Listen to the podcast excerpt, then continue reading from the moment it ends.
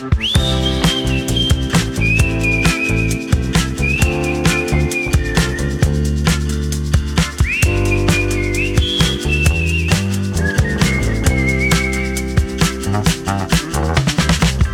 dia, Sílvia. Bon dia, Andreu, com estàs? Molt bé, una mica cansat perquè aquestes setmanes estan sent molt intenses, però bé. Molt intenses, la veritat, perquè com ja hem comentat en un, algun altre episodi, estem Mhm. fent les classes i els cursos d'Easy Catalan per primera vegada i tot i que estem vivint moments intensos, crec que està, està anant tot molt bé. Tenim uns professors magnífics que estan treballant moltíssim i crec que anirà tot molt bé. A veure, espera't, perquè vam parlar del curs de català bàsic que hem estrenat, també vam Mhm. publicar una masterclass a YouTube de 44 minuts i ara has parlat de les classes, però és que avui volem parlar una mica més d'aquestes classes que hem començat a oferir des d'Easy Catalan, no? A veure, què en podem explicar? Doncs trobareu tota la informació si entreu al web classes, escrit en català i en anglès, que és de la mateixa manera, .easycatalan.org. Mhm. Actualment oferim diferents tipus de classes. Classes particulars, en què l'alumne està amb un professor i tracten els temes o les coses que més necessiti, com per exemple presentar-se a un nivell concret un, per un certificat, o si vol aprendre simplement la llengua però vol anar al seu ritme, o vol enfocar a un objectiu concret, doncs per això serveixen aquestes classes particulars. La segona opció serien les sessions de conversa, que és una classe particular però que el que es treballa és la parla, fent exercicis per poder parlar i millorar. I la tercera cosa que oferim són els, les classes en grups reduïts, entre 4 i 6 persones, i aquestes classes de grups reduïts les oferirem a partir d'aquí uns quants dies. No és ara a l'octubre, sinó que d'aquí uns quants dies començaran aquestes classes grupals, però el qui s'hi vulgui apuntar ja s'hi pot apuntar ara. I tenim diferents grups. Hi ha nivell A1, A2, B1, B2, C1, C2... D'acord, per tant, qui vulgui reservar una classe, l'enllaç és el que ha dit la Sílvia, classes.easycatalan.org, però Sílvia, falta una informació important. Aquestes classes, qui les fa? Les faig jo? Les fas tu? Qui les fa? Les fan tres persones fantàstiques, meravelloses, que les coneixereu segur ben aviat, que es diuen Valentina, Biel i René. De fet, la Valentina la vam conèixer aquí, en el podcast, o sigui, els nostres oients ja la coneixen. És aquesta noia austríaca que va venir a Catalunya, va estar treballant a Lleida durant un temps i ara és a Barcelona treballant en una llibreria a mitja jornada i l'altra mitja jornada la fa amb nosaltres, a Easy Catalan. I amb ella podreu fer els nivells inicials. Podem dir, i segur que si vau sentir l'episodi, sabeu que la Valentina té un nivell de català molt bo i, per tant, com a Molt. professora, és un molt bon model. Sí, ella serà l'encarregada de preparar els materials dels nivells A1 a 2, però no vol dir que perquè vosaltres estudieu aquest nivell tingueu aquesta professora, ja que tots faran tots els nivells, però sí que ella és l'encarregada de preparar aquests nivells de, dels nivells inicials. També, com has dit, tenim el Biel, que ve de Mallorca. Viu a Barcelona, però és mallorquí. Sí, el Biel ja fa molts anys que viu aquí a Barcelona, a la ciutat de Barcelona. Ha sigut professor de català, d'anglès i, eh, a més a més, toca en diferents grups de música, un dels quals, si el voleu escoltar, és Reïnes, amb dièresi. amb dièresi. Perfecte. I per últim tenim la René, que s'ocupa dels nivells avançats. Exacte. La René ha sigut durant molts anys lectora de l'Institut Ramon Llull a Alemanya i és una noia que és, ve de les terres gironines i com que ja fa molts anys que fa classes i a més a més ha fet classes per aprenents de d'altres cultures i altres països, creiem que serà una molt bona opció per totes aquelles persones que vulguin preparar-se per als nivells més avançats. Per tant, ja ho sabeu, tenim professors que us poden oferir classes individuals o en grup o de conversa del nivell que sigui i, si us interessa, visiteu el web classes.easycatalan.org. Tema del dia. D'acord, doncs Sílvia, aquest és l'episodi número 90 Uau, 90 ja! Sí, és l'episodi 90 i tornem a tenir un convidat que casualment el vam tenir en l'episodi 50. I jo em pregunto, això és cosa dels astres? Matthew, benvingut! Hola, doncs moltes gràcies per tenir-me. Eh, sem- Sempre és un plaer estar aquí amb vosaltres i, i quina introducció que m'heu fet. El plaer és nostre de tenir-te aquí, eh, Matthew? Exacte. I no sé, jo crec que sí és cosa dels, dels astres, perquè ja sabeu que, que sóc taura i jo crec que això té alguna cosa a veure. Comencem pel principi. Avui el Matthew ens acompanya per parlar d'un tema molt emocionant i és Mhm. l'horòscop i els signes del zodíac, no? Exacte. Abans que res, vull dir que si algú encara no coneix el Matthew, sapigueu que podeu escoltar aquest episodi, el número 50, titulat El nostre estimat pastisser, en què revelem una faceta culinària del Matthew, entre altres coses. Però avui parlarem d'això que ha dit la Sílvia, no? dels signes del zodíac i de l'horòscop, perquè tu, Matthew, ets l'expert, si més no, dintre del grup d'Easy Catalan. Bé, que, que poseu la barra molt baixa, eh? Que... No, o sigui, no, te, no cal tenir gaire nivell per ser, per ser l'expert dins d'aquest grup, però bé. Només abans de començar voldria aclarir que jo no sóc astròleg, eh?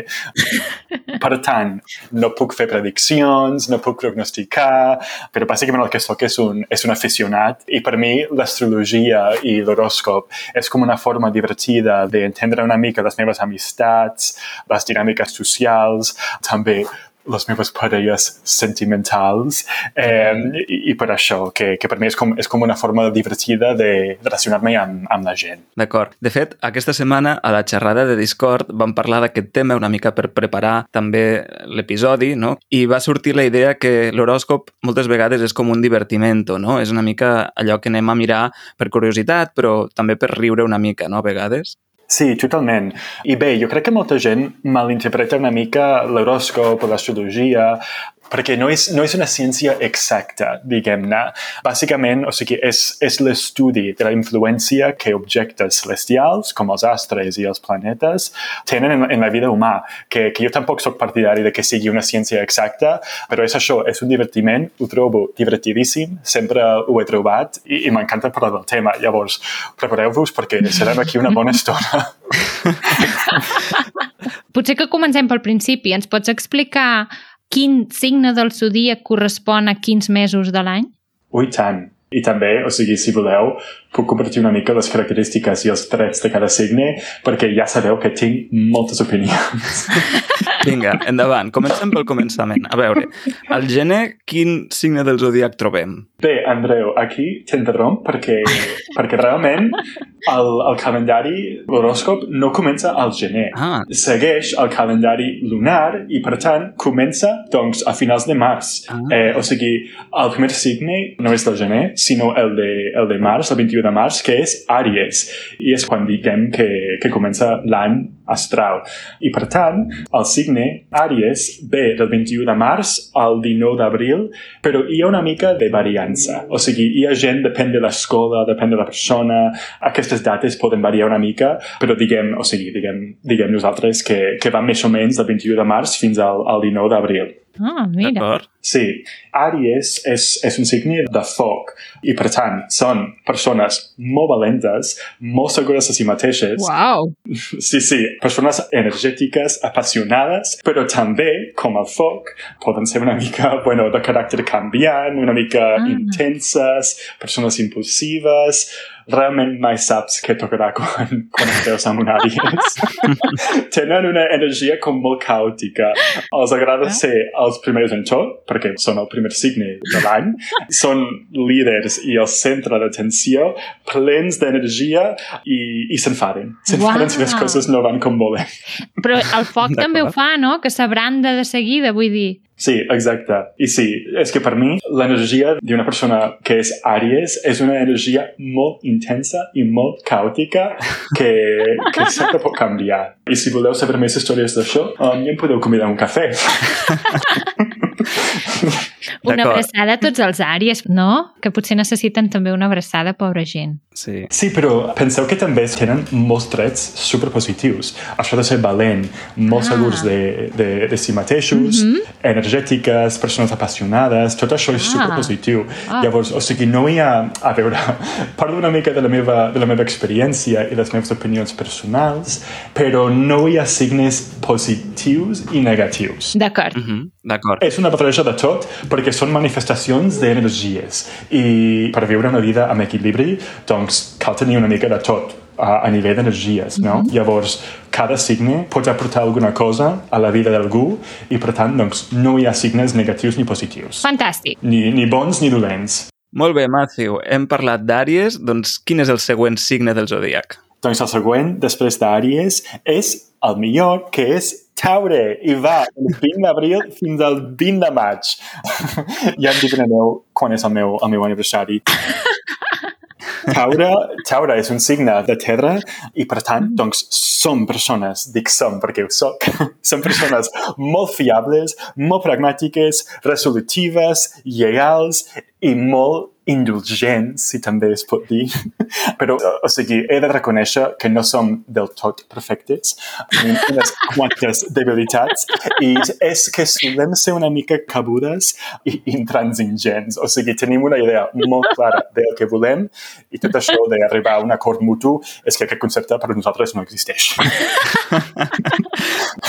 tu et sents identificat amb el teu signe, no, Matthew? Ah, jo em sento, jo em sento super identificat. I a més a més, hi ha una peça molt important dels taures que he deixat fora, i és que també som molt fans dels plaers de la vida. Ah, mira! ens encanta menjar bé, ens encanta fer la migdiada, ens encanta estar tranquils. Però tu creus que té a veure amb els taure? Sí, i, i jo és que, o sigui, jo m'identifico 100% amb això.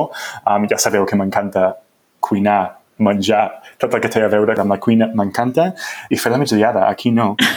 I, I també sí que és el que sóc molt cabut. Això, això, això no ho negaré. Jo crec que aquesta tossuderia no només és en els taure, eh? Jo crec No. que hi ha d'altra gent també que, que deu ser tossuda. Sí, sí, sí. perquè jo sóc balança i sempre m'han dit que sóc bastant tossut, o sigui que... Però diria que per les balances, bueno, ja hi arribarem, però les balances es, manifest, es manifesta d'una forma diferent. D'acord. I bé, o sigui, com he dit, Taure és un signe de terra. Hi ha com el que es diuen elements clàssics, que bàsicament són agrupacions dels diferents signes de l'horòscop i són aigua, terra, foc i aire. Mhm. I, per tant, cada classe té tres signes diferents i aquests tres signes comparteixen com molts trets en comú, i hi ha similituds entre les persones que, per exemple, si, si és una persona és Àries, potser té, té moltes, bueno, molts trets en comú amb una persona que és Lleó o Sagitari, perquè tots són signes de foc. Així que el foc és, quins has dit? Àries, Lleó i Sagitari. Exacte. Això és foc. Terra, Terra són Taure, Verge i Capricorn. aigua, Aigua són Càncer, Escorpí i Peixos. I aire, que és l'últim, són els que queden. Són els bessons, Balança i Aquari.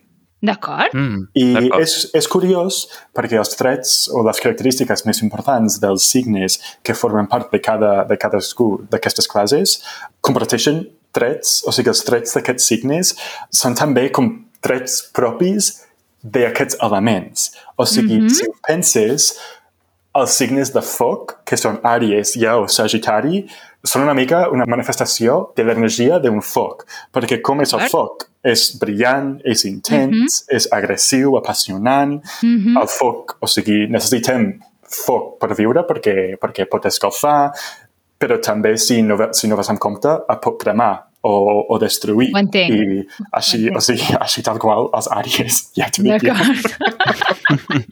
I, I no sé, passa mateix, per exemple, amb l'aigua, que són càncer, escorpí, peixos. Doncs la idea de l'aigua en el món de l'astrologia té molt a veure amb el domini emocional i sentimental, o sigui, tot el que, és, tot el que són les emocions. Mhm. I clar, sense aigua, o sigui, si no tinguéssim aigua, perdríem la nostra essència humana, o sigui, la vida no seria Uau. possible. Mhm. I també, si perdem les emocions, també acabaríem perdent la nostra essència humana, o sigui, hi ha paral·lelismes en aquest sentit. I, per tant, doncs, tots els signes d'aigua solen ser persones intuitives, emocionals, sensibles... D'acord? D'acord, perfecte. Hauríem d'anar una mica per feina perquè encara ens Sí. queden molts signes per comentar. sí. Per tant, Àries, Taure, quin és el següent? Bessons, que va del 21 de maig fins al 20 de juny, que és un signe d'aire. I els bessons, o sigui, són bessons, n'hi ha dos. I, I, per tant, doncs, es diu que les persones que són bessons tenen una ment superactiva, perquè bàsicament és una ment que fa la feina de dues. Um, són persones Ah, molt curioses, mira. que aprenen ràpidament, són persones que comuniquen superbé i que són molt flexibles. Però, en canvi, algunes debilitats és que són, poden ser una mica inconsistents, una mica indecisius, perquè si sempre estan com vacilant entre una idea i l'altra, doncs, com podeu imaginar, genera una mica de confusió. Però per mi, el punt més fort dels bessons és que tenen un ventall super ampli d'aficions, interessos, de capacitats. Una persona que és bessó doncs potser fa matemàtiques superbé i també potser pinta molt bé. Vull dir que tenen com Mm. capacitats que són dos dominis molt diferents, molt apartats, Sí, sí. doncs ho fan Ah. tot bé. Molt Ah. bé, genial. Sí. Tenim bessons a Easy Catalan? A veure, jo estic entremig de bessons i cranc. Mhm. Ah, d'acord. Estàs allà al límit, no? Entrem ara en cranc, en A càncer. veure, a veure. Ha dit moltes coses de bessons que m'hi sento identificada i altres coses no. Però com que sóc un entremig, Sí, sí, perquè, com he dit abans, depèn una mica de la persona, de l'escola, el dia de tall de, de cada signe. Diguem en, en general que els càncers van... Bueno, el càncer va del 21 de juny fins al 22 de juliol, uh -huh. que de fet, o sigui, no és el, el teu aniversari, el, el 21 de juny? exacte, sí. Doncs sí, sí, o sigui, tal qual, en el tall entre, entre cranc i bessó. I crancs, càncer, és un signe d'aigua, que és el que hem dit una mica abans.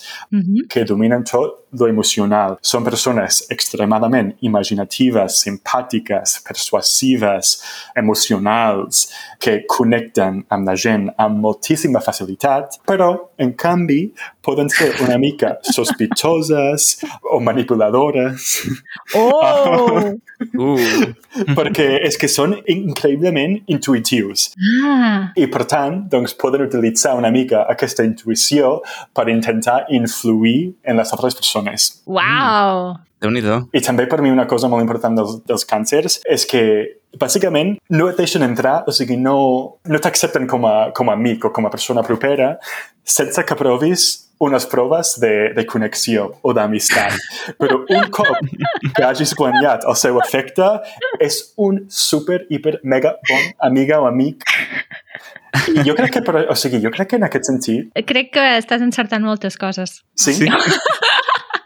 i jo crec que en aquest sentit també tota la població catalana té una mica bastant. Tots som càncer Sí, a Catalunya. sí. És la frase del dia, per favor, tots som càncer. No, però he vist qualitats de la Sílvia tant en la descripció de Sí. bessons com en la de càncer, no? Crec que el de Totalment. bessons sobretot agafaria la part de molt treballadora que fa la feina de dues persones, Mm. perquè la Mm. Sílvia és molt, molt, molt treballadora. Sí, I de la part de, de càncer, moltes coses de les que has dit. sí. Sí, Mm, moltíssimes. N'has encertat Sí, sí. moltíssimes, sí, sí. La part de la connexió, de la intuïció... sí. Mm. Jo identifico la Sílvia una mica més com a cranc, com a càncer. Ah, sí? Uh, sí, sí, sí, sincerament, sincerament, sí. Però sí que també veig alguns elements de bessons, però jo clarament, almenys jo, la tinc clarament ubicada, ubicada dins el món, de, dins el domini de càncer dels crancs. Fantàstic. Sí. Molt bé. Passem al següent, que és lleó. Vinga. Doncs el lleó va més o menys des del 23 de juliol fins al 22 d'agost i és un signe de foc. Tornem al foc, perquè, com veureu, hi ha quatre elements clàssics i, per tant, doncs, cada element té tres signes i van per cicle, o sigui, va sempre en ordre de foc, terra, aire, aigua i després es repeteix. Foc, terra, aire, aigua. Llavors, tornant al, al lleó, que és, és de foc. Um, són persones supercreatives, supergeneroses, superalegres. Són persones que, que saben molt, il·luminen molt tot el tema de la moda i el disseny i l'apariència, però en canvi poden ser persones una mica egoistes i una mica arrogants perquè els agrada molt ser el centre d'atenció. Ah, I sí? això, sí, això, és, o sigui, això pot ser com un, un tret positiu, perquè vol dir que solen ser molt bons líders, que són super caris Ah. bueno, persones carismàtiques, Mhm. però que també, bé, és això, que poden ser una mica, a vegades, el centre d'atenció. Mai t'ho has passat tan bé com en la festa d'aniversari d'un lleó. D'acord. Mira, és veritat, a casa meva ma mare és lleó i és la que sempre ha organitzat les millors festes d'aniversari. Ah, sí, Sí. és veritat. Uau. Uau, doncs em sento, em sento, em fa sentir super llest, perquè, perquè sembla, sembla que ho estic clavant. Sí, sí. he de dir que, que sembles un expert, sembles tot un expert. Jo crec que, Sí, vaja, sí. en comparació amb, amb nosaltres, ho ets segur. D'acord, Sí, seguríssim. Sí. Següent signe del zodiac. Següent, i ja, va, ja anem per la meitat, no patiu. que el següent uh, és Verge, que és un altre signe de terra, i va del 23 d'agost fins al 22 de setembre. Per mi, el que és més important de Verge és que són persones superorganitzades, analítiques, Ah. i, o sigui, sempre, sempre, sempre saben exactament, o sigui, sempre tenen un, un plan d'acció. Si els presentes algun tipus d'objectiu o algun projecte, doncs són persones tan metòdiques i tan pragmàtiques que en dos segons ja tenen un pla d'acció d'exactament doncs, com s'ha de fer i, i com es pot aconseguir. Uau! Sí, però en canvi això vol dir que també poden ser una mica excessivament crítics tant en si mateix Ah. com amb les altres persones. O sigui, si has de, Ja. has de fer un projecte amb un, amb un verge, eh, potser costa una mica perquè sempre t'està, no sé, criticant o dient ai, però per què no has, per què no ho has fet d'aquesta forma o d'aquesta manera? Mhm. I també això vol dir que són persones molt treballadores que està bé, però molt, molts cops, o sigui, molt sovint significa que els costa descansar i passar-s'ho bé. D'acord? Molt bé. Interessant. Molt bé. Passem al següent. El següent, que potser és del teu interès especial. Pot ser, pot ser. que és balança, que jo crec que tu encaixes perfectament. Ja, bueno, ja em diràs. A veure, a veure. Balança, que va del 23 de setembre fins al 22 d'octubre i és un signe d'aire. La balança són persones super solidàries, super cooperatives, molt diplomàtiques, sempre intenten... Totalment. Sí, sempre intenten com mantenir una mica les paus entre les persones. Són persones que són mediadores superbones en, en moments de, de crisi o de conflicte. Mhm. Estimen molt a la gent, no els agrada tant estar sols, però en canvi, no sé, o sigui, això també pot comportar que siguin persones una mica indecisives, que eviten el conflicte, que no es posicionen o no es mullen, i realment doncs, mai saps comunicar-los a, una, a una balança, perquè les seves accions no sempre s'ajusten a, a les seves paraules. Buah, m'hi sento super identificat. amb tot, eh? O sigui, amb lo bo i amb lo menys bo. Ja, però, o sigui, però si, si mirem la paraula balança, que, o sigui, és una balança, té, té sentit amb, amb la descripció, no? Perquè una balança Sí, sí, sí. que sí. té com, o sigui, les dues peces intenta buscar una mica la forma de mantenir l'equilibri entre les, els dos costats. I és exactament el que Uau. fa, el que fan els balances. És això, és mediar, evitar el conflicte. Sí. Sí, sí, jo puc corroborar que quan em trobo enmig d'un conflicte és que entenc molt totes les parts Uh -huh. i em resulta impossible posicionar-me com clarament a favor d'una part.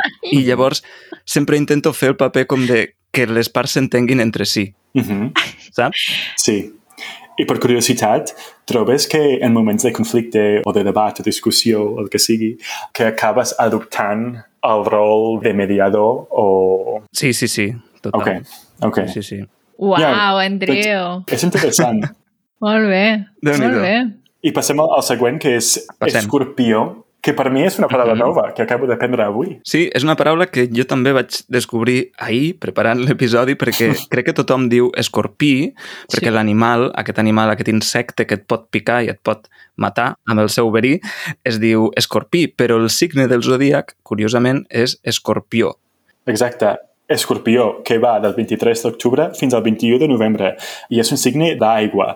Solen ser persones doncs, molt persistents, molt enginyoses i molt valentes.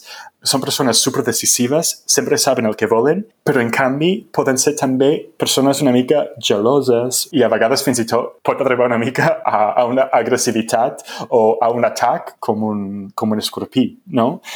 És un signe d'aigua i, per tant, són persones que solen ser molt emocionals, però aquestes emocions es manifesten d'una forma diferent que els altres signes d'aigua, com per exemple càncer o, o peixos.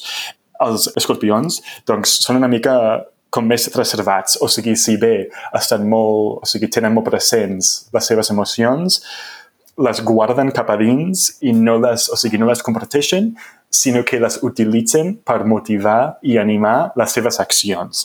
I, per tant, saben discutir i discutir o barallar amb, amb, amb un escorpió és... O sigui, fa por, fa por. Uh. Uah, Matthew, la meva mare, doncs, és escorpió Sí. i no has endevinat res. Ah, no! Però res, eh? O sigui, t'anava escoltant i anava pensant, no, això tampoc. Ui, no, Ah, al no. contrari. Re, o sigui, zero. En aquest cas, zero. Doncs haurien de mirar la seva carta astral, perquè, bé, no sé si, si Per un altre entrarem... episodi. Sí, exacte. No sé si entrarem en, en detall amb aquest tema, però com, o sigui, com una persona eh, es comporta o com és, o la seva personalitat i identitat, no només depèn del seu signe solar, sinó també hi ha altres signes i altres aspectes que també influeixen. I per tant, o sigui, si tu ets un escorpió o si tu ets sagitari, això no ho és tot.